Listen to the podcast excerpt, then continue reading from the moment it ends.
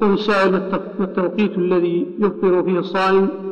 إذا أقلعت به الطائرة قبل المغرب بساعة ونصف ساعة من الرياض إلى القاهرة مثلا. إذا أقلعت قبل الغروب لا يزال صائما حتى تغرب الشمس تغرب الشمس عليه الطائرة أو ينزل في بلد قد غابت فيها الشمس يفطر